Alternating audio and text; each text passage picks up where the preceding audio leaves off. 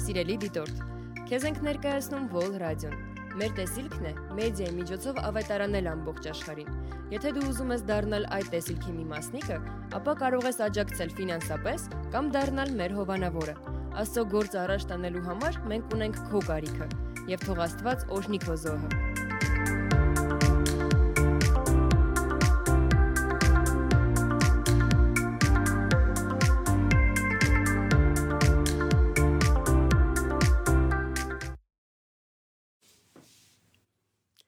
Приветствую! Сегодня в прямом эфире Вол Радио с нами старший пастор Церкви Слова Жизни Армения. Четыре года тому назад, 23 января, произошло событие, которое потрясло всех нас. После двух лет сражения с раком старшая дочка пастора Артура Симоняна, Анна Симонян, ушла на небо. Мы все были потрясены, так как по человеческим понятиям мы ожидали чуда, которое не произошло. Приветствую. Привет, драгоценная Мария. Спасибо, что согласились говорить на эту тему, потому что эта тема может помочь многим людям найти утешение. Знаешь, когда я получил приглашение говорить на эту тему, часто люди прячут свою боль. Прямо как в мультике, там, где говорится «все хорошо, прекрасная маркиза, все хорошо, все хорошо, кроме...» и начинает перечислять. И знаешь, мы часто прячем нашу боль, мы живем нашей жизнью. И когда в жизни других людей происходят какие-то несчастья, они думают, что это только они проходят через подобные вещи. Например, люди, живущие в Штатах или в Европе, намного более эмоциональны и готовы делиться своей болью. Но часто мы все скрываем в себе. Но почему? Ведь возможно, чтобы ты хотя бы в течение получаса просто открыл себя, открыл то, что происходит внутри тебя. Потому что мы же не клоуны, которые под гримасой радости могут скрывать свою боль и, радуя других, на самом деле иметь глубокие душевные раны внутри себя. Мы ведь просто люди. Я должна вас попросить, чтобы на те вопросы, которые я задам сегодня вам, вы отвечали не как только пастор, но как отец, как муж, ну и как обычный человек.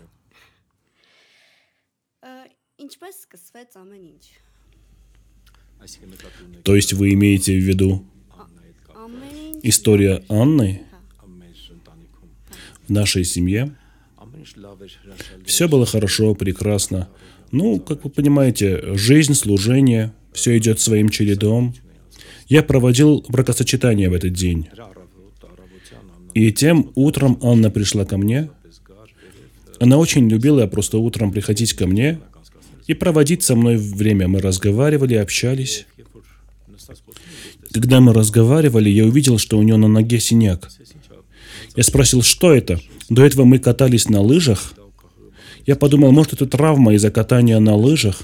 Но когда Лусине увидела, она хорошо понимает медицине, она сказала, одевайся, мы быстро идем к врачу. И мы часто не обращали на это внимания. Я сам не обращал внимания. Потом я включил телефон, и тогда началось. Я узнал эту новость, что они сдали анализы и пришли очень плохие результаты. А Наша Нара, врач, написала мне, Лусине написала. И, как так сказать, я заключился в самом себе. И вскоре, когда уже был вопрос о том, что она должна лечь в больницу, и я, вы знаете, я пастор, я хорошо понимаю в болезнях, потому что время от времени мы постоянно общаемся с больными людьми, я понимаю, что это такое. И это похоже, как будто тебя заключают в клетку. Ты хочешь выйти из этой клетки. Ты не рожден для этой клетки, но, но ты не можешь оттуда убежать. Ты не можешь взять голову и где-то скрыться. Потому что, во-первых, ты должен нести свет и надежду именно для того, кто болен, для своей дочери, для своей жены, и для своего другого ребенка, и четвертое, для церкви, для общества. И ты видишь, что у тебя нет решения, но и нет места, где можно скрыться от этого. Просто надо быть сильным, чтобы ты мог воодушевить и поддерживать других. можно сказать, что это была ваша эмоциональная реакция. А какой была ваша духовная реакция? А в духовном мире неопределенность. Знаете, часто, когда мы проходим через сложности, пока ты понимаешь духовный смысл происходящего, много времени проходит. Например, народу Израиля нужно было 40 лет, чтобы они могли понять, через что они проходят, почему они проходят. Апостолам нужно было пройти через жизнь, чтобы понять все. Мы просто привыкли очень часто давать быстрые ответы, быстрые отзывы на ситуации. Есть очень интересное место Писания, Второзаконие 29.29. Там говорится о том, что Бог, бывает время молчания, когда Бог молчит. Есть скрытые вещи, которые для Господа. И самое страшное то, когда ты попадаешь в период Божьего молчания. Например, Аврааму Бог сказал, возьми Исаака и принеси его в жертву. И дальше был период молчания. И представьте, вот этот путь, когда Авраам взял Исаака и поднимался на гору. Я не знаю, это заняло день или два, но когда они поднимались туда, там даже не написано, что Бог пришел, утешал Авраама, говорил, не бойся, потом все пойдет по другому сценарию. Нет, Авраам был реально готов принести в жертву своего сына. И Авраам верно прошел этот период Божьего молчания, эти дни Божьего молчания. Я советую людям, когда вы проходите период Божьего молчания, то исполняйте то, что в последний раз вы получили от Бога, то, что Бог проговорил к вам. И вот я попал в этот период, когда Бог молчал. И ты не можешь заставить Бога говорить в такие периоды. Надо просто проявлять верность и оставаться верным в том, что уже открыто тебе. Очень интересно. Я не думала, что вы проходили это в тишине. Потому что люди порой думают, что не слышат Бога из-за внутреннего шума. Был ли у вас такой внутренний шум? Конечно, болезнь очень громко кричит внутри тебя, и она заглушает многие голоса, но тут всегда можно слышать кое-что. И внутри, конечно, была паника, был страх. Я понимал, с чем мы столкнулись. Но я понимаю, что это был период Божьего молчания. Нет, я не говорю, что Бог все время молчал, но именно в этот момент это был период Божьего молчания. И мы проходили, мы проходили через пустыню. Можно сказать, мы из хорошего цветущего сада вышли в пустыню. Слово говорит, что не приключится тебе зло. Так почему это произошло с вашей дочерью? Знаешь, Маша, чтобы понять, что означает слово «не приключиться тебе зло», я, я, честно говоря, спрашивал Бога об этом. Чтобы понять все это, мы должны понять, что такое зло. Что такое зло само по себе. Когда мы были в Германии, это местописание было моим любимым. Я до сих пор его всегда использую, цитирую. Был период, когда я перестал его использовать, но теперь я снова его использую, стою на этом. И тогда я внутри просто услышал в себе этот вопрос от Бога, что такое зло? Когда мы говорим не переключиться тебе зло, мы понимаем, что такое зло, осознаем ли мы это? Знаешь, Слово Божие говорит, не бойтесь убивающих тело. Более бойтесь того, что может убить душу. Сейчас скажите, вот моя дочь сейчас на небесах, я знаю сто процентов, мы к этому еще обратимся. Я точно знаю, мы еще встретимся, потому что это моя вера. И было бы глупо быть пастором, если ты не веришь в вечную жизнь. То есть даже это не просто вера, это стопроцентная уверенность, стопроцентный факт. Вера — это когда ты просто... Иногда вера, когда ты просто веришь, но для меня это стопроцентный факт. Однажды я был в гостях у моего друга в Соединенных Штатах. Его сын не был дома. Я спросил, а где твой сын? Он сказал, ну, где-нибудь, наверное, шляется. Потом, под утро, когда сын вернулся, он был в таком состоянии, как бы получеловек, под дозой, полупьяный. Я ему сказал, а где он был? А мне мой друг сказал, что он был в ночном клубе. Но поскольку ее, его сын еще жив, то он не думает, насколько страшно состояние своего сына. Знаете, я прошел через множество онкологических больниц. Я был и в армянских, и в германских больницах. Знаете, что я понял? Там все молятся. Если бы, например, не дай Бог, через час самолет бы упал на эту больницу, то почти все пошли бы на небеса. Но если бы самолет упал на ночной клуб, то точно все пошли бы в ад. Вы понимаете, мы должны понимать, что такое зло на самом деле. Конечно, сейчас, которые нас смотрят, не понимают, о чем вы говорите, не понимают, но это произошло. Но есть кое-что очень важное, что не может быть плохим, потому что есть вечность, в которую мы поверили. Зная натуру Анны и то, как она даже в самых странных ситуациях могла находить самые веские причины, чтобы радоваться, и тем самым радовать других. Так вот, я хочу спросить, как она проходила этот путь? Сложно представить, но даже до конца она была такой. До конца она была такой, и она очень героически проходила все это. Как только она начинала себя лучше чувствовать, потому что бывало, когда она просто днями лежала из-за того, что у нее болел живот или были приступы, но как только она чувствовала себя лучше, она сразу же просто перевоплощалась. Она красилась, чтобы закрыть свою болезнь, одеться в красивую одежду, начать танцевать. И знаете, она старалась обрадовать своих друзей, которые тоже были озадачены. И знаете, когда она так делала, вот просто все люди, которые потом писали разные отзывы, понимали, что Действительно, люди радовались тому, что она лучше, она чувствует себя хорошо. Она всегда старалась давать надежду людям. Но самое странное, что даже в этот период времени были люди, которые негативно отзывались обо всем этом. Говорили, какое право ты имеешь танцевать, ты же дочь пастора. Но знаете, она умела улыбаться. Она умела просто легко переносить подобную критику. Но знаете, я в конце понял, что она не просто легко переносила, просто она умела скрывать. Она была очень глубокая по своей натуре. И она просто не хотела создавать проблему, чтобы все видели.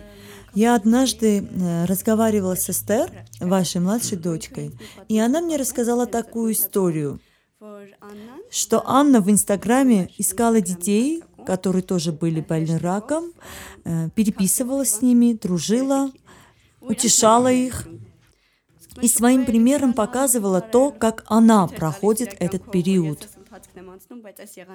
А вы знали про это? Честно говоря, даже не знал об этом, потому что Анна была везде, у нее были очень длинные руки, она почти везде доходила. Для меня это тоже новость, знаете, если честно. Когда она еще была способна ходить, она в Германии меня просто пригласила в кино. Я не знаю, какой будет сюжет этого фильма. Мы вместе пошли. Для меня это было, конечно, интересное происшествие. Очень странное происшествие. Я бы сам точно бы не пошел на такой фильм. Потом спросил ее. Это, это был фильм про молодого человека, который после аварии становится инвалидом и потом подписывает э, соглашение об эвтаназии, чтобы его убили. Когда мы вышли из кинотеатра, я спросил, почему ты привела меня сюда? Ведь это основано на реальных событиях.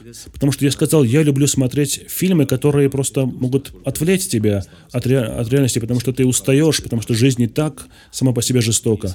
Но она сказала, я тоже так думала раньше, но сейчас я хочу везде видеть реальную жизнь, невыдуманную. Интересно, что в последние свои времена она желала видеть все реально. Она все чувствовала, она очень хорошо все понимала. Я сформулирую свой вопрос таким образом. Как изменилось ее служение? Как она служила в этот период? Прежде всего, меня удивило то, что она не пропускала служение. Она в Германии пошла, нашла ячейку, нашла группу церковную. Каждое воскресенье она шла в церковь Assembly of God в Германии. Она нашла там друзей среди молодежи, и знаете, они просто рыдали на похоронах. И знаете, она объединила этих юношей, создала из них коллектив, сделала из них как бы тело. Начали делать какие-то акции, начали собираться. Она вывела их из этого холодного состояния германского. Начали вместе ходить в кафе, проводить время вместе. Начали делать вместе совместные программы.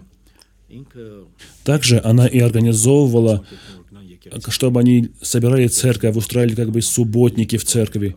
Она очень много разных вещей организовывала там. Относительно больницы, там были разные периоды. Всегда она имела связь с духовными людьми.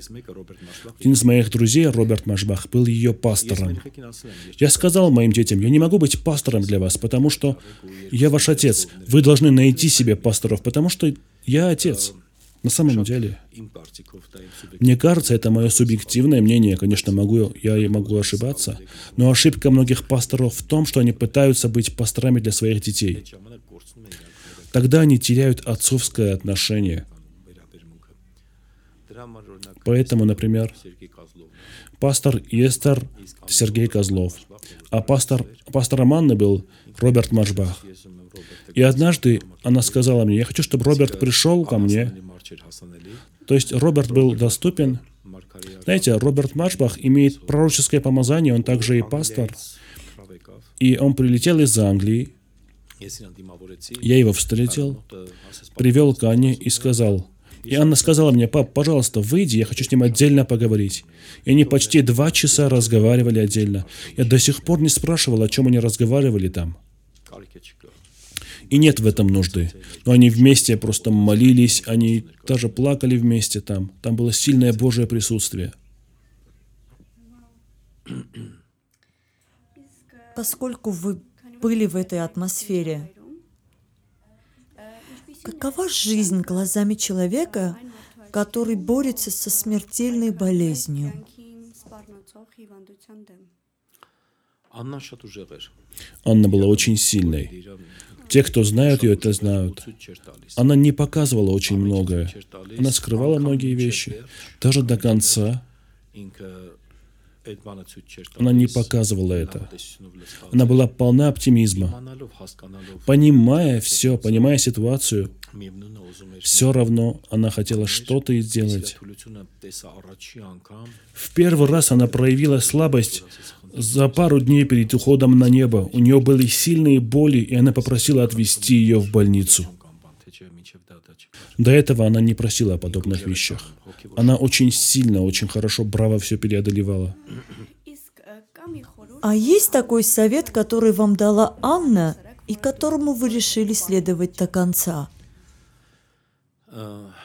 Да, есть несколько советов.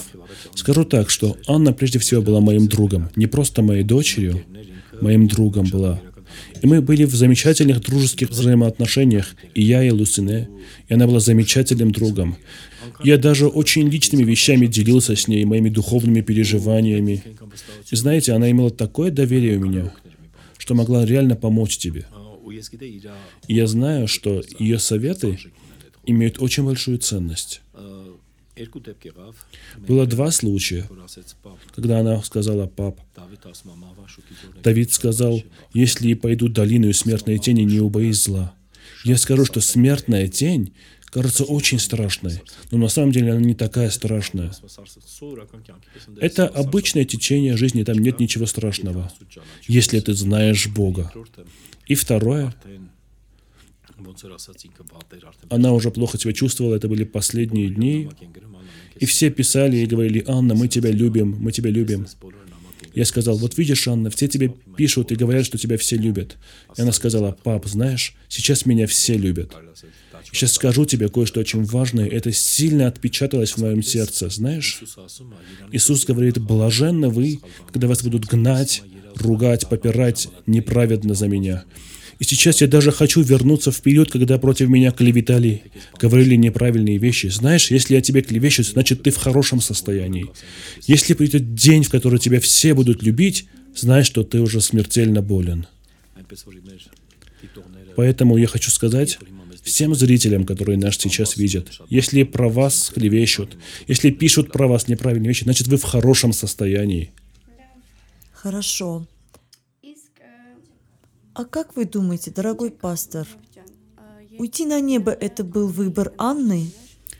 Конечно, нет. Это не было выбором Анны.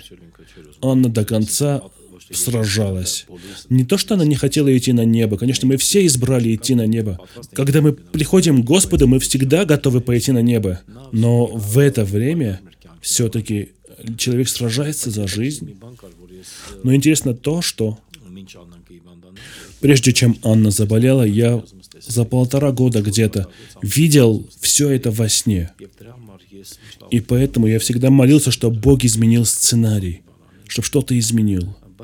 Но, знаете, Шекспир интересную вещь сказал. Мы все похожи на отдельные сады, но наша жизнь в руках садовника. Но когда вы увидели этот сон, вы подумали, что это от Бога? Честно говоря, я не обратил внимания на этот сон в первый раз. Я подумал, что за глупый сон. А, да, я рассказал жене об этом. Когда все это произошло, как бы мы снова вспомнили этот сон, и мы молились, чтобы этого не произошло, чтобы это не исполнилось. Знаете, мы все возможные варианты в духовном смысле попробовали. То есть, насколько это было в наших силах, мы все сделали, но все Бог решает. А какой была реакция пастора Лусине на ваш сон? То есть она отнеслась к этому сну как к обычному сну? Нет, конечно.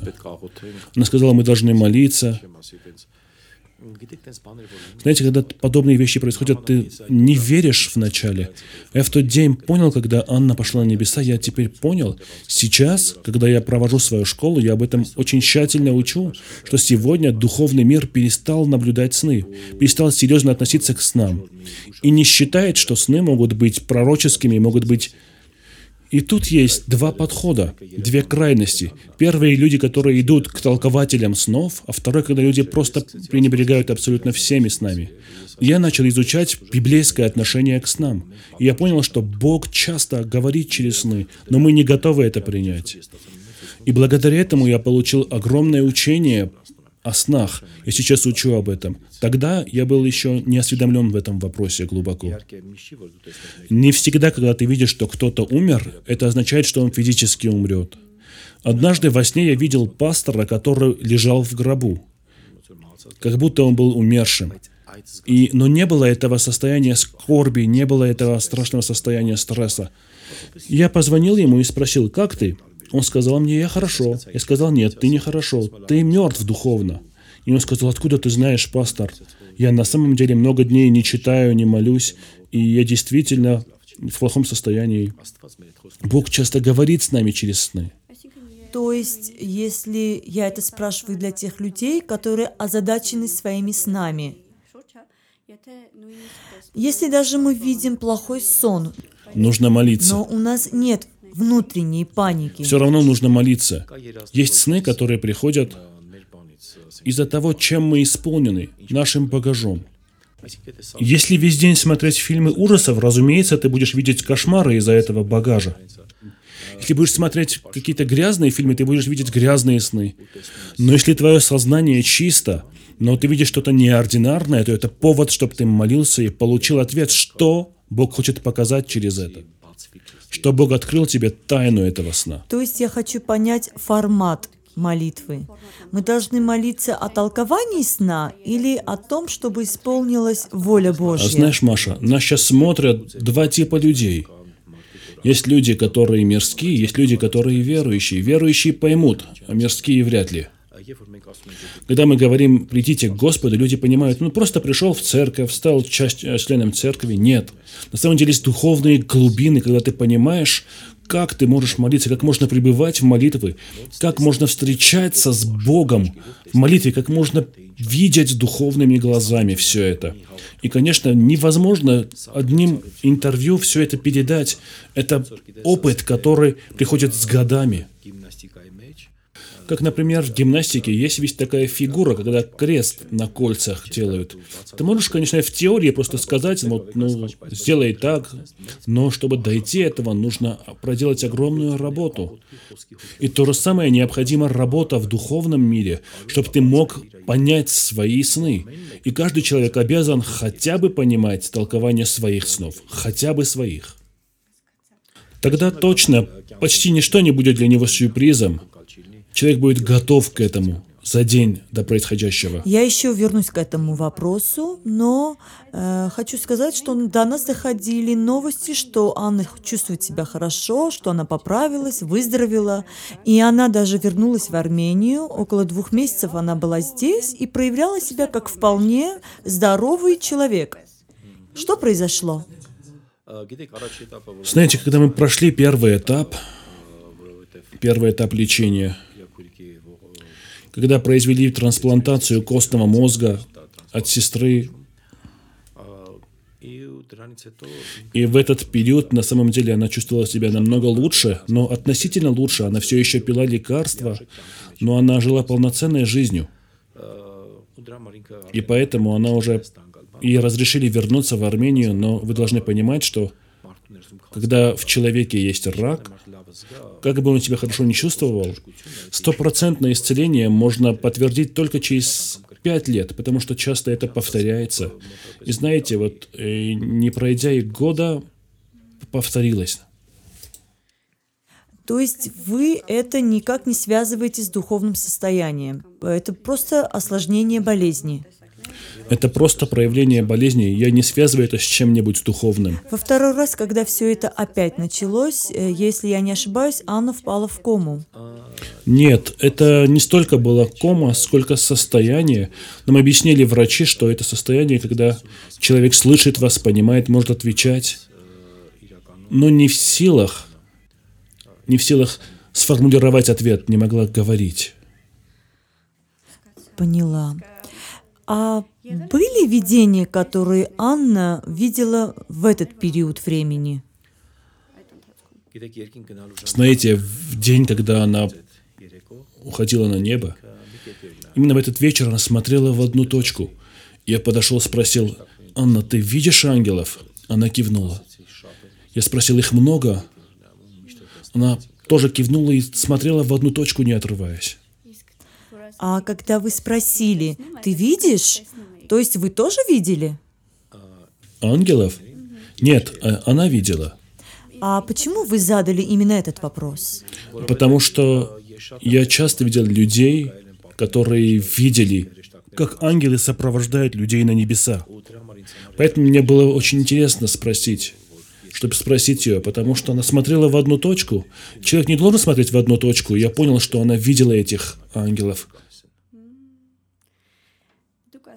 Вы сказали, что Господь, ну, если у человека есть духовная жизнь, э, то Господь подготавливает человека.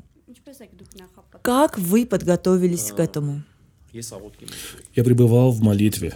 Честно говоря, в этот период я и моя жена, мы долго молились. Наверное, по три, по четыре часа. И внутренним восхищением я был восхищен на небо. Я видел видение. Это было так реально, более реально, чем что-либо другое. Я увидел, как будто ты смотрел фильм. Я видел Иисуса. Я увидел небеса. Я увидел дом Анны. До сих пор я могу четко представить, это был дом П-образный.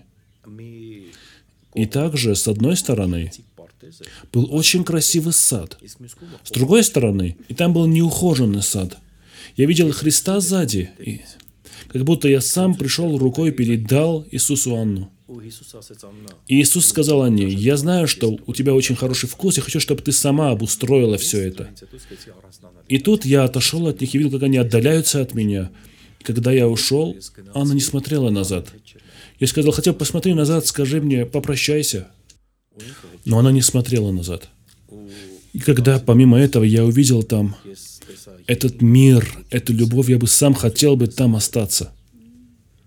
Когда я вернулся обратно, как бы вернулся в себя, после, после видения, я понял, что она пойдет на небеса. Я сказал моей жене, моя жена может подтвердить, конечно, мы молились, чтобы Бог изменил план, но мы видели все это. А вот когда вы получили слово, вы как пастор могли так отреагировать. А как человек, вы не разозлились? Знаешь, я давно уже не живу как просто человек. Я живу как дитя Божие, как человек, который является Дитем Божьим, не просто как человек. Конечно, ты можешь злиться на ситуацию, но это ничего не изменит. Именно в это время надо найти этот мир внутри себя, чтобы ты мог найти правильное решение. Если ты дашь место гневу, ты можешь просто покончить жизнь самоубийством или испортить жизнь дорогих тебе людей. Поэтому, осознавая это, я никогда не давал места гневу. Вы во всей этой ситуации проявляете себя как пастор огромной церкви, как отец семейства и как муж. То есть это большие сферы ответственности. Я хочу понять, как эти проблемы и шторма отражаются на институте семьи. Знаешь, Маша, есть боли, которые проходят – а есть боль, к которой привыкаешь. Знаешь, есть раны, которые заживают, а есть раны, к которым привыкаешь. И знаешь, история Анны – это рана, к которой мы привыкли. Я не понимаю людей, которые говорят, но знаешь, это было раньше, но сейчас как будто я забыл все это. Знаешь, это невозможно забыть. Это часть тебя. У меня есть огромное ожидание, ожидание небес. И знаете, вот это вот реальная жизнь. Вот знаете, есть, например, понятие матрицы, когда ты живешь, как будто ты живешь жизнью, но это нереальная жизнь. Вот для многих, например, жизнь это ходить по Северному проспекту, но когда, например, сейчас все это произошло, и люди просто не могут выходить э, на Северный проспект, они поняли, что в жизни есть другие ценности. Вот то же самое у нас. Мы пересмотрели наши ценности. Это было для нас крещение огнем. У меня было, конечно, крещение водой, крещение духом, но мы прошли через крещение огнем. То есть я хочу понять внутренние взаимоотношения, если человек пастор.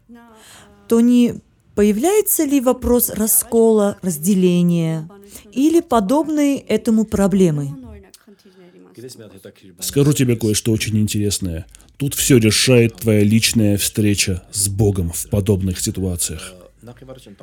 Во-первых, о семье. Семья может быть разрушенной, если каждый из себя скидывает бремя ответственности или бремя боли. Но когда вы вместе объединяетесь, это ваша общая, это ваша общая скорбь. Это не чужое, это наше. Думаю, вот с таким подходом это действительно сильное единство. Конечно, могут быть какие-то эмоциональные разногласия, но семья более сплачивается во время этого. И не обязательно, чтобы горе должно сплачивать семью, но горе тоже сплачивает семью. К сожалению, но это факт. Мы более объединяемся в такие периоды. И знаете, интересно то, что все это уже происходило, я видел видение, я знаю, что Анна будет идти на небо. И тут пришла мысль, и люди тоже писали, ведь вы же пастор, как может такое происходить с вами? Но ведь Библия предупреждает, что то, что происходит, нечестивым может постичь и праведника, но праведника спасает Господь. Я вот думал, например, ладно, я сейчас пастор, проповедник, что обо мне подумают? И это было так сильно. Я бы хотел бы, чтобы сейчас те, кто смотрят нас, просто люди освободились от этого мнения. Я очень прошу, освободитесь, потому что вы всю жизнь будете жить под этим бременем. Что будут люди думать обо мне? И знаете, Бог сказал мне через Духа Святого, твоя дочь умирает, а ты думаешь о том, что о тебе подумают люди? Это было очень сильным обличением и освобождением. Я всегда исповедовал, что не важно, что люди про меня скажут, главное, чтобы я исполнял волю Божию. Но по и потом я сказал, какая разница, что люди будут говорить обо мне? Пусть видят, что я тоже человек. Как есть люди, которым ампутируют ногу, и они боятся выйти в свет, думают, что обо мне подумают. А кто-то выходит, говорит, ну теперь у меня нет ноги, ну и что, теперь я такой. И я понял, если кто-то должен соблазняться из-за моей скорби, и должен сказать, я не буду больше его слышать, что я могу с этим сделать? Пусть не слушает. Но знаете, на самом деле наоборот, присоединилась огромная армия людей ко мне. Это десятки тысяч людей, которые проходили через подобные испытания, но не было никого, кто бы с ним разговаривал, потому что все красиво молчали, но я начал говорить. И эта армия поднялась, эти люди были так благодарны.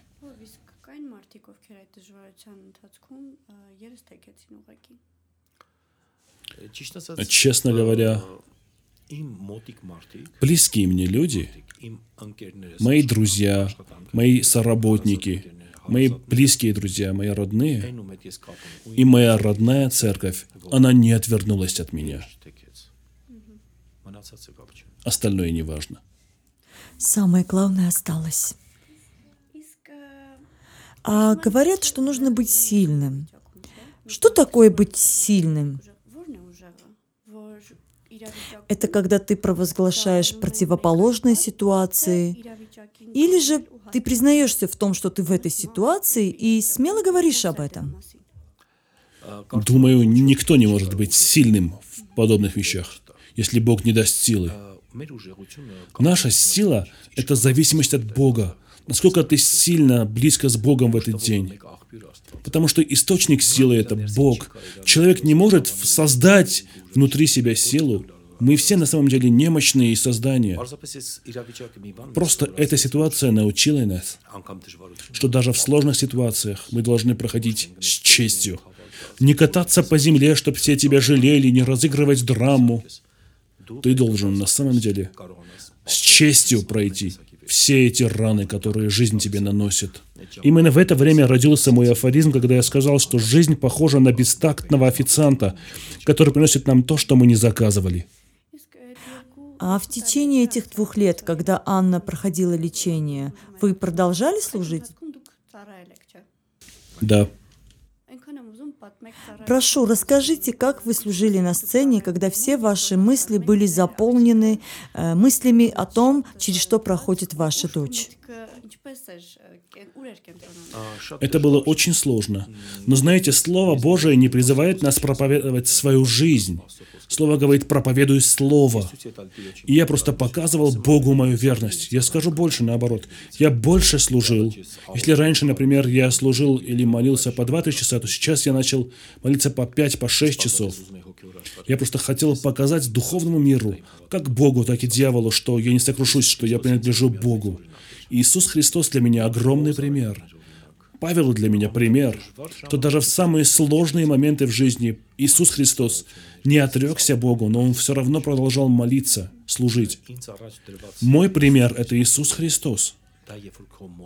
Когда это твоя модель, ты по-другому не можешь. То есть сложнее быть с Богом ближе в хороший период времени? А, знаешь, сложно сказать. Жизнь состоит из сезонов. Это как спросить, когда легче жить, зимой или летом? Летом. Но мы ведь проживаем зимы все равно. Просто зимой потеплее одеваемся, зи- летом нет. Но сезоны разные. Знаешь, мне бы очень хотелось, чтобы зимой у меня была кнопка, чтобы сразу пришло лето. Но знаешь, такого не бывает. И поэтому мы должны уметь проходить через то, что у нас есть, что жизнь нам дает. Конечно, ты можешь закрыть глаза и как страус засунуть голову в песок, но надо все это преодолеть. Люди в подобных ситуациях ищут духовного убежища. Мы идем к пасторам. Вот я иду к вам. А кому идут пастора? У пасторов есть друзья, с которыми они делятся – есть жены. Знаешь, если честно, мы прошли через все это вместе с моей женой.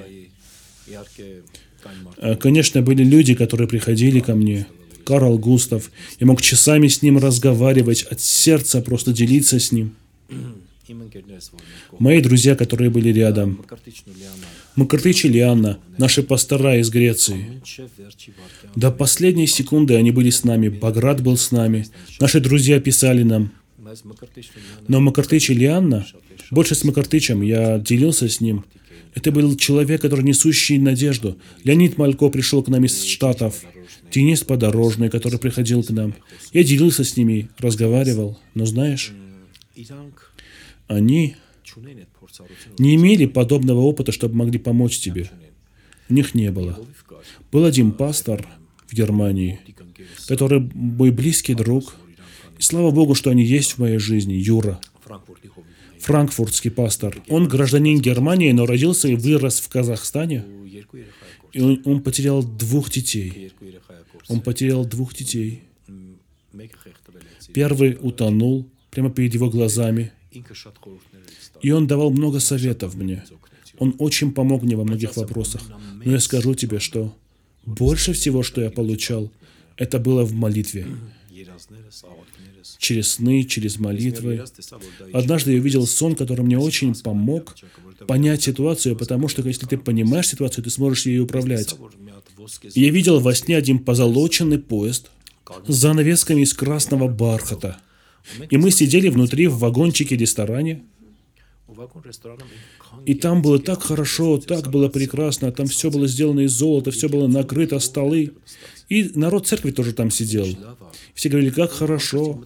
И вдруг у меня возникла идея посмотреть из окна. И когда я приоткрыл занавес, я увидел огромную бурю и пустыню, по которой шли люди. Люди шли по направлению к посадочной станции, чтобы сесть на этот поезд. И вдруг поезд начал замедляться. И все люди впали в панику, чтобы случайно они не вышли в эту пустыню. Потому что они должны были с кем-то поменяться. У меня даже есть проповедь, которая называется «Пустыня». Я рассказываю об этом. Когда этот поезд останавливался, я понял, что кто-то должен сойти, чтобы кто-то мог подняться. И вдруг мы всей семьей оказались снаружи. И поезд уехал. Я увидел, что в этой пустыне, в этих ветрах есть люди, которые так умирают разочарованные. Я сказал своей семье, я сказал, мы не должны сидеть. Мы должны идти вперед до следующей посадочной станции. И мы заново сядем в этот поезд. И мы начали ходить. А вы когда увидели сон, дорогой пастор? Это была первая химиотерапия Анны.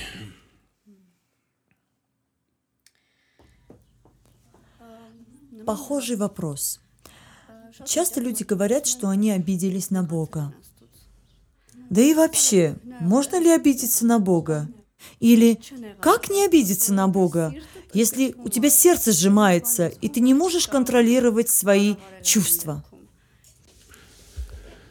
Маша, я в пасторском служении уже 30 лет. Я думаю, это достаточный срок, чтобы я мог смело делиться моим опытом. Я проводил огромное количество духовных консультаций с людьми, молился за людей. Я видел жен, потерявших мужей, я видел мужей, потерявших жен. Я видел людей, которые теряли детей, и детей, которые теряли родителей. Я видел разведенных. Как, знаете, как и к врачу, часто к пастору тоже, очень мало людей приходят, у которых нет проблем. Я видел очень много проблем. И знаете, моим основным вопросом был следующий. Почему все обвиняют Бога? Почему Бог не помог? Почему я ни разу не видел одного, кто бы сказал, что дьявол виноват? Почему-то все все скидывают на Бога. Я человек, который читает Библию, и я вижу, что тот, кто приходит украсть, убить и погубить, это дьявол. И однажды, когда я молился, вот после всего этого, я спрашивал, я говорил, ну ладно, если бы она была бы, например, мученически убита в Афганистане, если бы ее убили за Евангелие, враги. Это было бы другое. Но Бог спросил меня, а в чем разница быть убитым талибаном или ликемией? Ведь оба являются врагами. Врагами Бога, которые приходят, чтобы убить человека.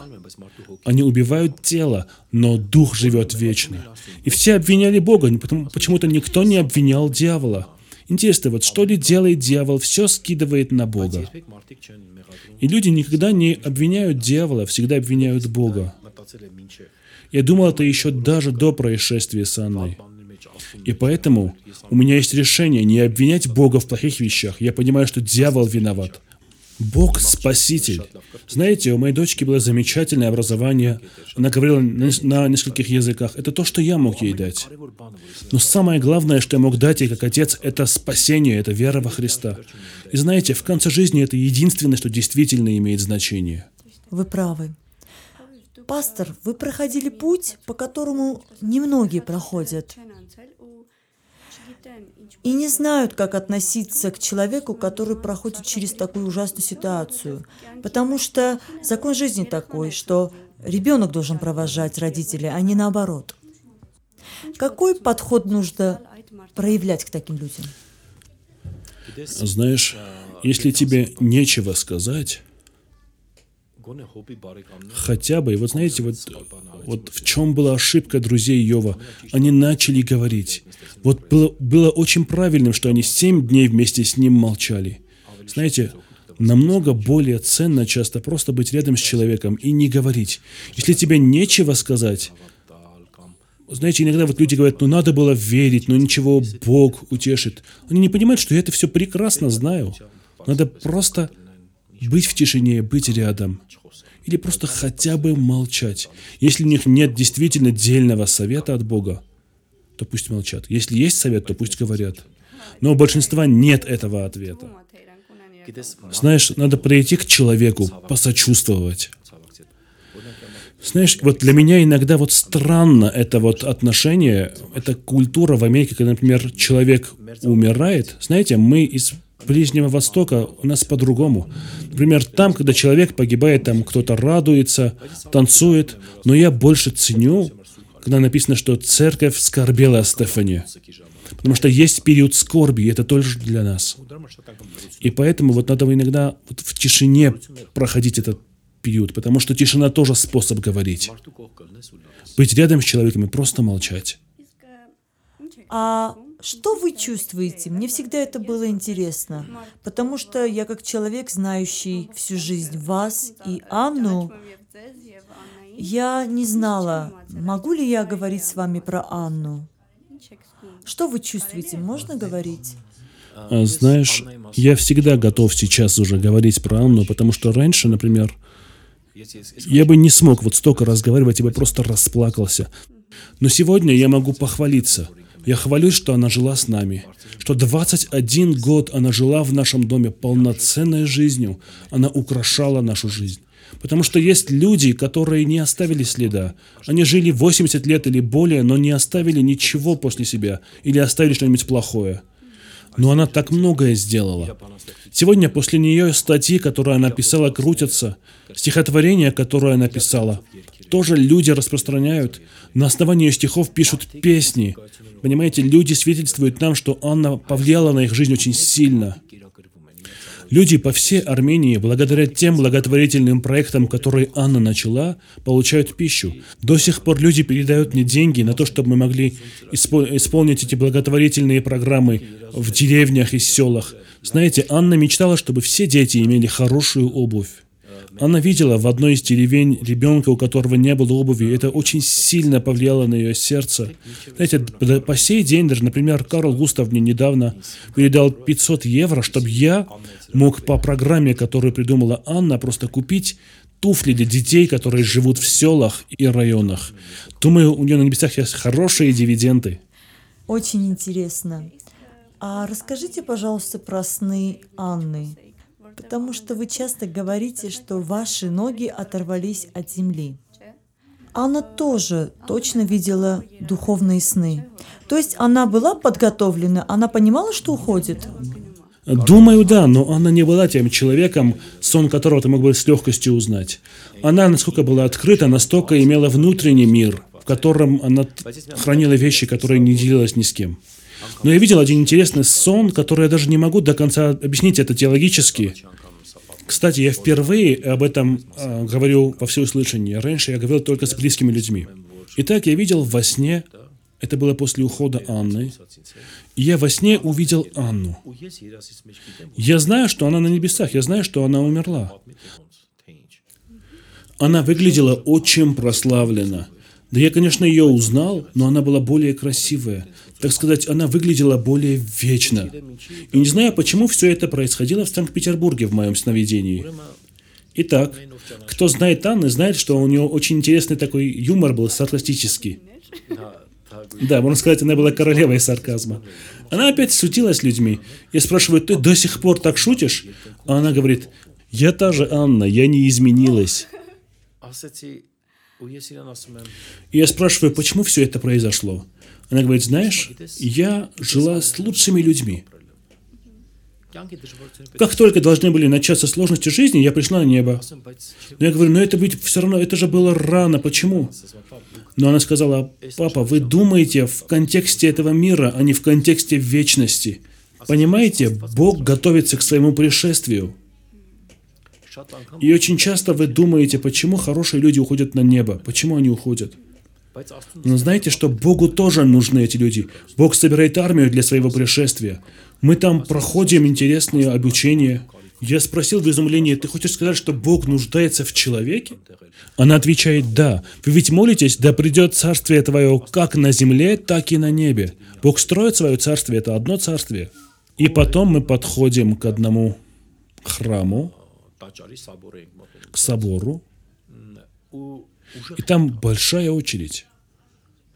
Она бежит вперед, вне очереди входит. Я бегу, но мне не разрешают, чтобы я вошел. Говорят, иди встань в очередь.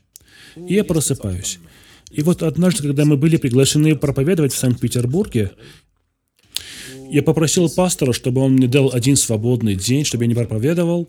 Мы пошли искать этот собор.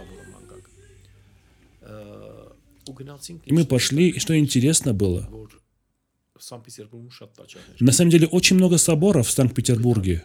И мы нашли этот собор. Это был реальный собор? Да, это был реальный собор. Именно тот собор, который я видел во сне до этого. Абсолютно реальный. И знаете, что интересно? Там есть три двери. Там есть три двери у этого собора, и одна из дверей я видел, что она, Анна вошла в правую дверь и сказал, мы должны войти в правую дверь. Мы купили билет, потому что это был тур. И там были лестницы, поднимающиеся к куполу. 360 лестниц, которые поднимались к куполу. И там с купола можно было увидеть весь Санкт-Петербург. И знаешь, что интересно? Там все расписано красивыми херувимами, как будто они защищают все это. И тут мой друг, который хорошо знает этот собор, он сказал, ты знаешь, как народ называет эти лестницы? Я сказал, как? Сказал, народ называет это лестницами в небеса. То есть Бог показал, что это прообраз входа в вечность. Как интересно. А для Анны мы все... Итак, извините, я скажу, это Исаакиевский собор. После того, что вы сказали, я обязательно хочу его посетить. В жизни молодых людей и вообще в людей бывают пророчества и видения о будущем. Были ли противоречия между пророчеством в ее жизни и между тем, через что она проходила? В жизни Анны было много пророчеств, что она оставит большой след на земле. И сейчас я вижу, что все это исполняется. Это большое влияние, которое она оставила. Она не была похожа на других. Однажды она мне сказала, знаешь, пап, я какая-то странная. Я говорю, почему? Почему я не влюбляюсь? Все влюбляются. Почему я не влюбляюсь? Я думаю, она была какой-то небесной. Своим поведением, своим характером. Она была как бы кусочек неба. И реально нет людей, которые бы общались с ней, и она бы не влияла на них. Даже интересно, вот ее последняя публикация, она писала, что «Ну вы же знаете, когда режешь лук, то ты обычно плачешь». Э, и вот она писала вот, что «Я хочу жить так, чтобы даже сам лук расплакался». И сделала. И сделала.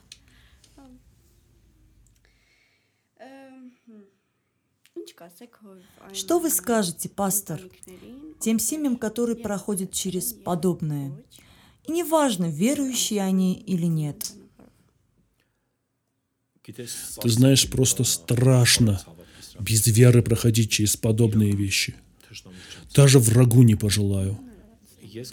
Я думаю, люди должны познать Иисуса, чтобы Иисус говорил с их сердцем и утешал их. У них нет утешения, у них есть страдания, но нет утешения.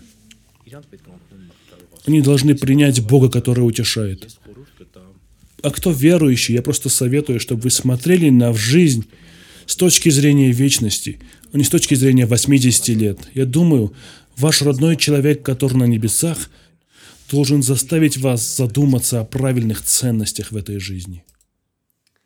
После этих событий прошло четыре года. И вы всегда показываете, что вы радостный, все хорошо.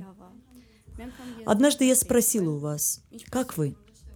И я спросила это не как у пастора, а как э, у человека. И вы мне ответили, что у вас в жизни зима. Весна в вашей жизни началась. Знаешь, я думаю, что больше март. Иногда жарко, иногда холодно. Конечно, есть и радостные моменты. Знаешь, но я служитель. И я просто забываю себя как человека, потому что в первую очередь Бог дал мне обличение священника. Знаете, что такое обличение священника? Это не важно, что с тобой происходит. Важно, что говорит Слово Божие, и ты должен исполнять это. Ладно, скажу так. Если я сегодня буду ходить в скорби, какой будет из этого прок? Какой плод я принесу людям? Я хочу нести послание жизни. Я вот думаю, что бы сделала моя дочь сейчас? Она бы обрадовала людей, несла бы им радость.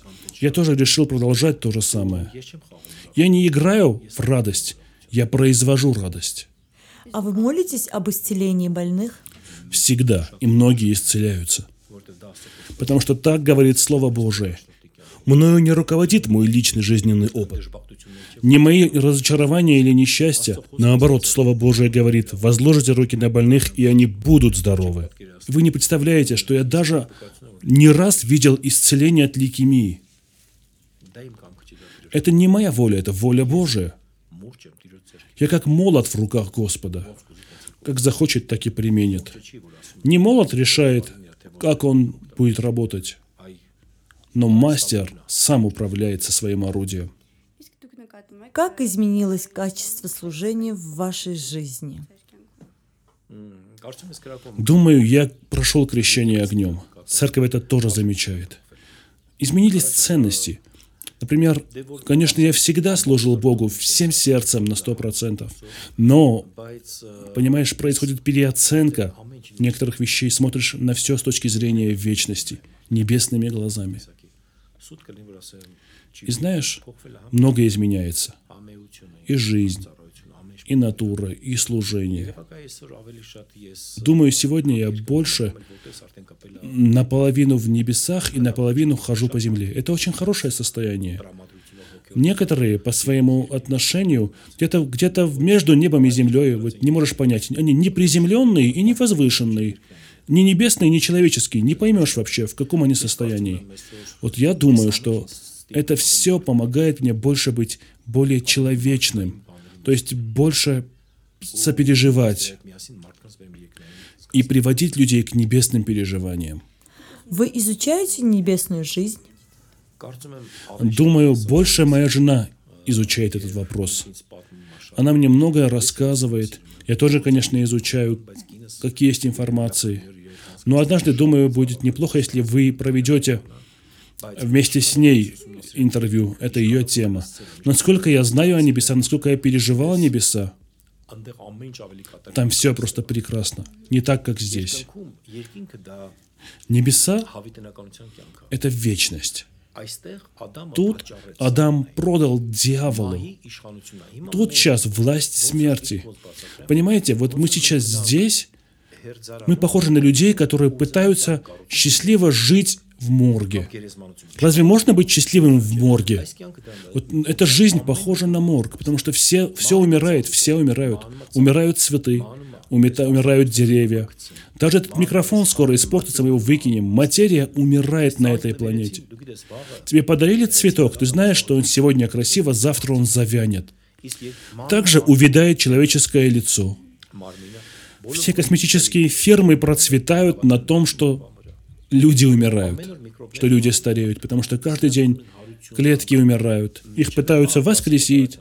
Если бы не было смерти, не было бы операций пластических, но на небесах не царство смерти, а царство вечности. Это мир воскресения, там все воскресает. Вот ты видишь себя сегодня красивым в зеркале, завтра ты будешь более прославленным, более красивым. Все более и более воскресает.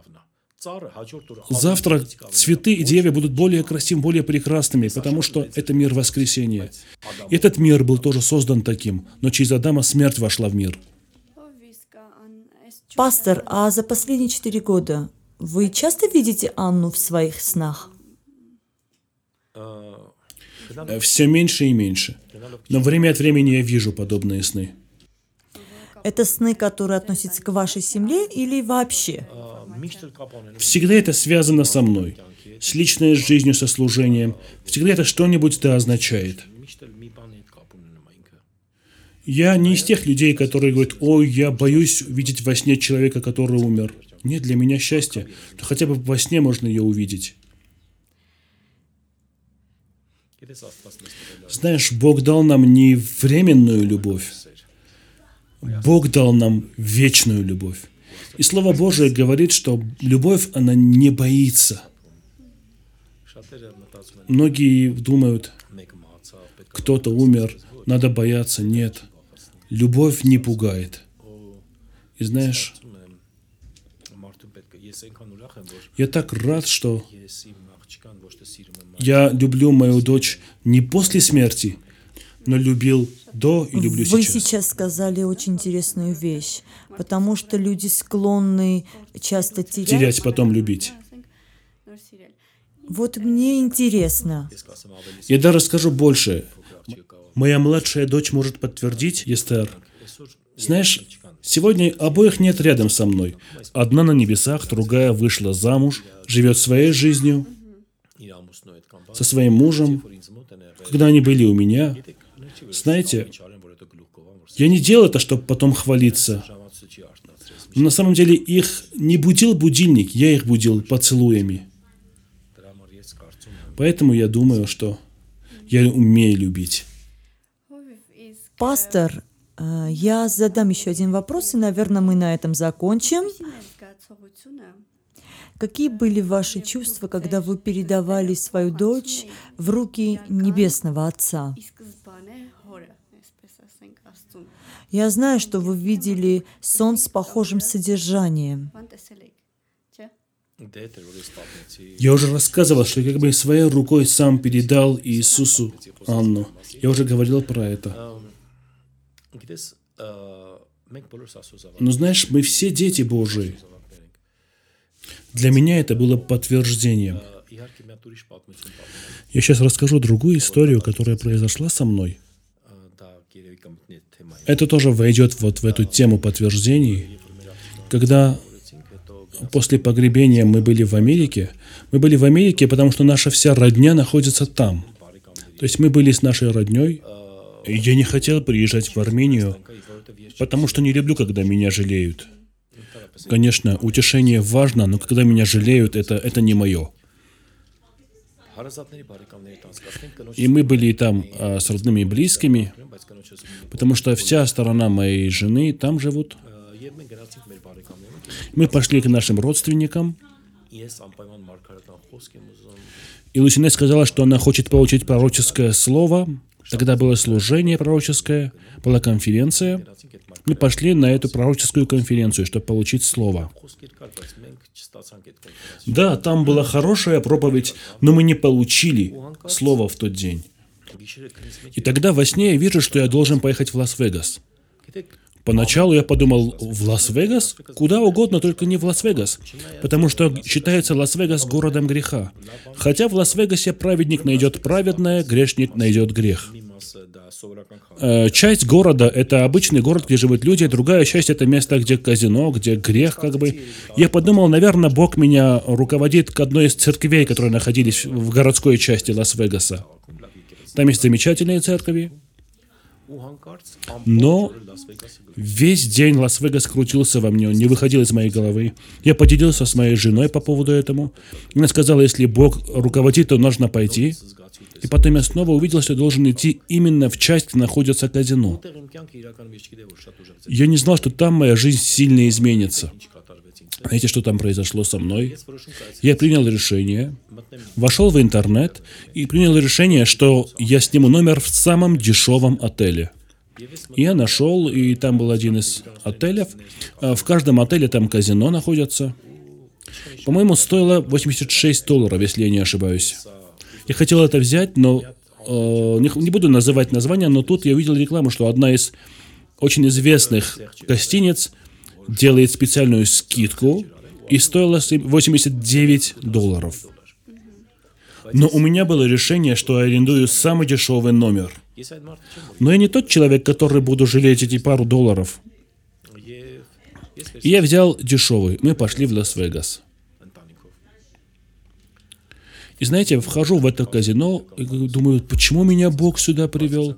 Мы поднялись в номер с женой, и я вдруг увидел там одного человека, чернокожего человека, который чистил обувь. Наши глаза встретились. Знаете, я по натуре не такой человек, который любит, чтобы кто-то чистил его обувь. Это не мое. Но это был бизнес этого человека. И это сильное желание не покидает меня никак. Мы поднялись наверх, но я опять хочу пойти к этому человеку. И вот я одеваю туфли, и жена спрашивает меня, куда ты идешь? Я говорю, иду чистить туфли. Она спрашивает, и ради этого ты пришел в Лас-Вегас? Я говорю, я не знаю, пришло желание, должен пойти. Пошел. Я сел у этого человека, он посмотрел мне в глаза и сказал, пусть Бог благословит тебя, брат. Я спросил, ты верующий? Он сказал, да. Я спросил, а что вы тут делаете? Он сказал, посмотри вокруг себя. Тут все люди, которые потеряны. Я им проповедую Евангелие. Он сказал, я пастор. Я спросил, вы что, на самом деле пастор? Он сказал, да. Но это моя работа, чтобы нести свет людям. Столько сломленных людей приходят сюда ко мне. Он не знал, кто я такой, что в моей жизни происходит. Он сказал, когда я вас издалека увидел, я сразу понял, что вы придете ко мне. Я получил пророческое слово для вас. Я спросил, что это было за слово, и он сказал, знаете, Господь показал мне, что один огромный сад, и вы садовник этого сада. У вас есть излюбленный цветок. И однажды вы пригласили Господа в ваш сад и сказали, возьми любой цветок. Он взял именно ваш любимый цветок и забрал на небо. И сегодня вы разочарованы и в скорби сидите и не следите за своим садом. Но Бог сказал, чтобы я вам сказал, что этот цветок сейчас в безопасности. Остальные цветы нуждаются в уходе. Ухаживайте за вашим садом.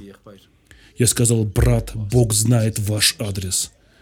Он сказал, что это означает? Я сказал, Бог меня привел из Армении к вам. Он меня обнял и сказал, что впервые слышу такое свидетельство.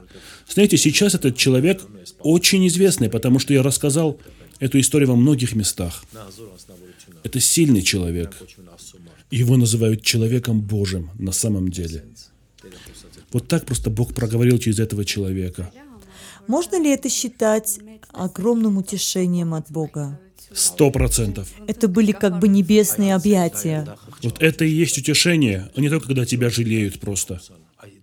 Вот именно такие вещи нужно говорить людям, которые в скорби от Бога. Именно в этом суть. Мы должны получать от Бога, когда подходим к человеку. Сегодня есть огромное количество судей, которые готовы осудить ближнего. Поэтому люди часто боятся признаваться в своих немощах, в своих сложностях, потому что думают, что им скажут, а почему Бог тебя не защитил? Люди потеряли способность сочувствовать. Да, это было сложно. Я не знаю, как вы смогли ответить на эти вопросы. Потому что я знаю, что все, кто нас смотрит, когда-нибудь пройдут этот путь. Но заберет ли их дух смерти или ангелы проводят на небеса, это уже... Что бы ни было, дух смерти не подойдет к верующему. Аминь. О людях веры Библия говорит усопшие, уснувшие, не говорит погибшие. Это большая разница. Мы не умираем, мы переходим из жизни в жизнь. Огромное спасибо, дорогой пастор. И еще хочу дополнить. Многие говорят, что время лечит. На самом деле время ничего не лечит. Только Бог может излечить. Если бы время могло бы лечить, оно само себя бы исцелило. Посмотрите историю, она повторяется, и она не изменяется. Войны. Почему тогда время не лечит войны? Разве время смогло исцелить наш геноцид армянский? Нет, наше сердце до сих пор болит. Только Бог способен исцелить. Бог есть целитель. Не надейтесь на время. Могу ли я попросить вас, дорогой пастор, о том, чтобы вы помолились о тех людях, которые проходят через подобную ситуацию, чтобы они получили Божье утешение? Отец Небесный, во имя Иисуса Христа я молюсь за каждого человека, который проходит через подобные сложности, который может, должен проходить их в будущем. Просим, Господь, чтобы Ты был их Богом, чтобы Ты руководил их, чтобы Ты показывал им вечные видения, дал им способность видеть через вечность. Прошу, помоги их, укрепи их сердце и подними их чтобы они не сдавались в жизни. Именем Иисуса Христа. Аминь. Хотел бы еще дополнить, и на этом мы, наверное, завершим. И знаешь, вот, когда я уже просто был готов сдаться, был разочарован, я спросил ее, я сказал, «Анна, вот это был глупый вопрос, я думаю, но все-таки я спросил, «Анна, почему именно ты?» Она сказала, «Скажи ты причины, почему не я?» И на этом мы, наверное, завершим. Все это оставило большой отпечаток на нас, особенно в жизни молодежи, потому что мы осознали, что мы не неуязвимы и не вечны на этой земле. И знаешь, когда вот в Инстаграме есть этот кадр, когда она бросает букет, и многие писали в комментариях, что встретимся на небесах. И вот я действительно сделал одну публикацию и сказал, дай Бог, чтобы реально вы встретились чтобы прожили жизнь так, чтобы вы попали на небеса. Очень сильно сказано, дорогой пастор. Спасибо, огромное спасибо. Конечно, мы можем говорить и говорить об этом. И да, это в первый раз, когда вот мы вот в Армении говорим об этом наверное, время пришло действительно для этого. Спасибо, дорогой пастор. Пусть Бог благословит тебя, Маша. Спасибо тебе большое. Спасибо вам, что были с нами. И мы говорим вам до скорой встречи.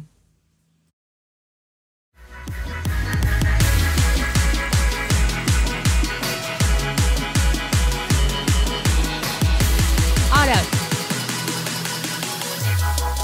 Miștește.